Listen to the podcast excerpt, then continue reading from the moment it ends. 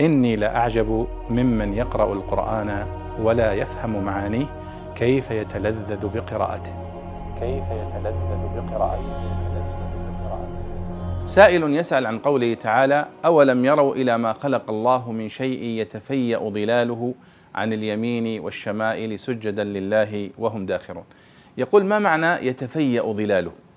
فالله سبحانه وتعالى يقول لهؤلاء الكفار المنكرين لألوهيته واستحقاقه للعبادة أولم يروا إلى ما خلق الله من شيء له ظل كالجبال والأشجار ونحوها ماذا يحدث لها؟ قال يتفيأ ظلاله يعني يميل ويتمايل ظله ذات اليمين وذات الشمال آه، فهو في أثناء الشروق يكون ظله في الجهة المقابلة وإذا مالت الشمس إلى جهة الغرب يكون الظل في الجهة الأخرى.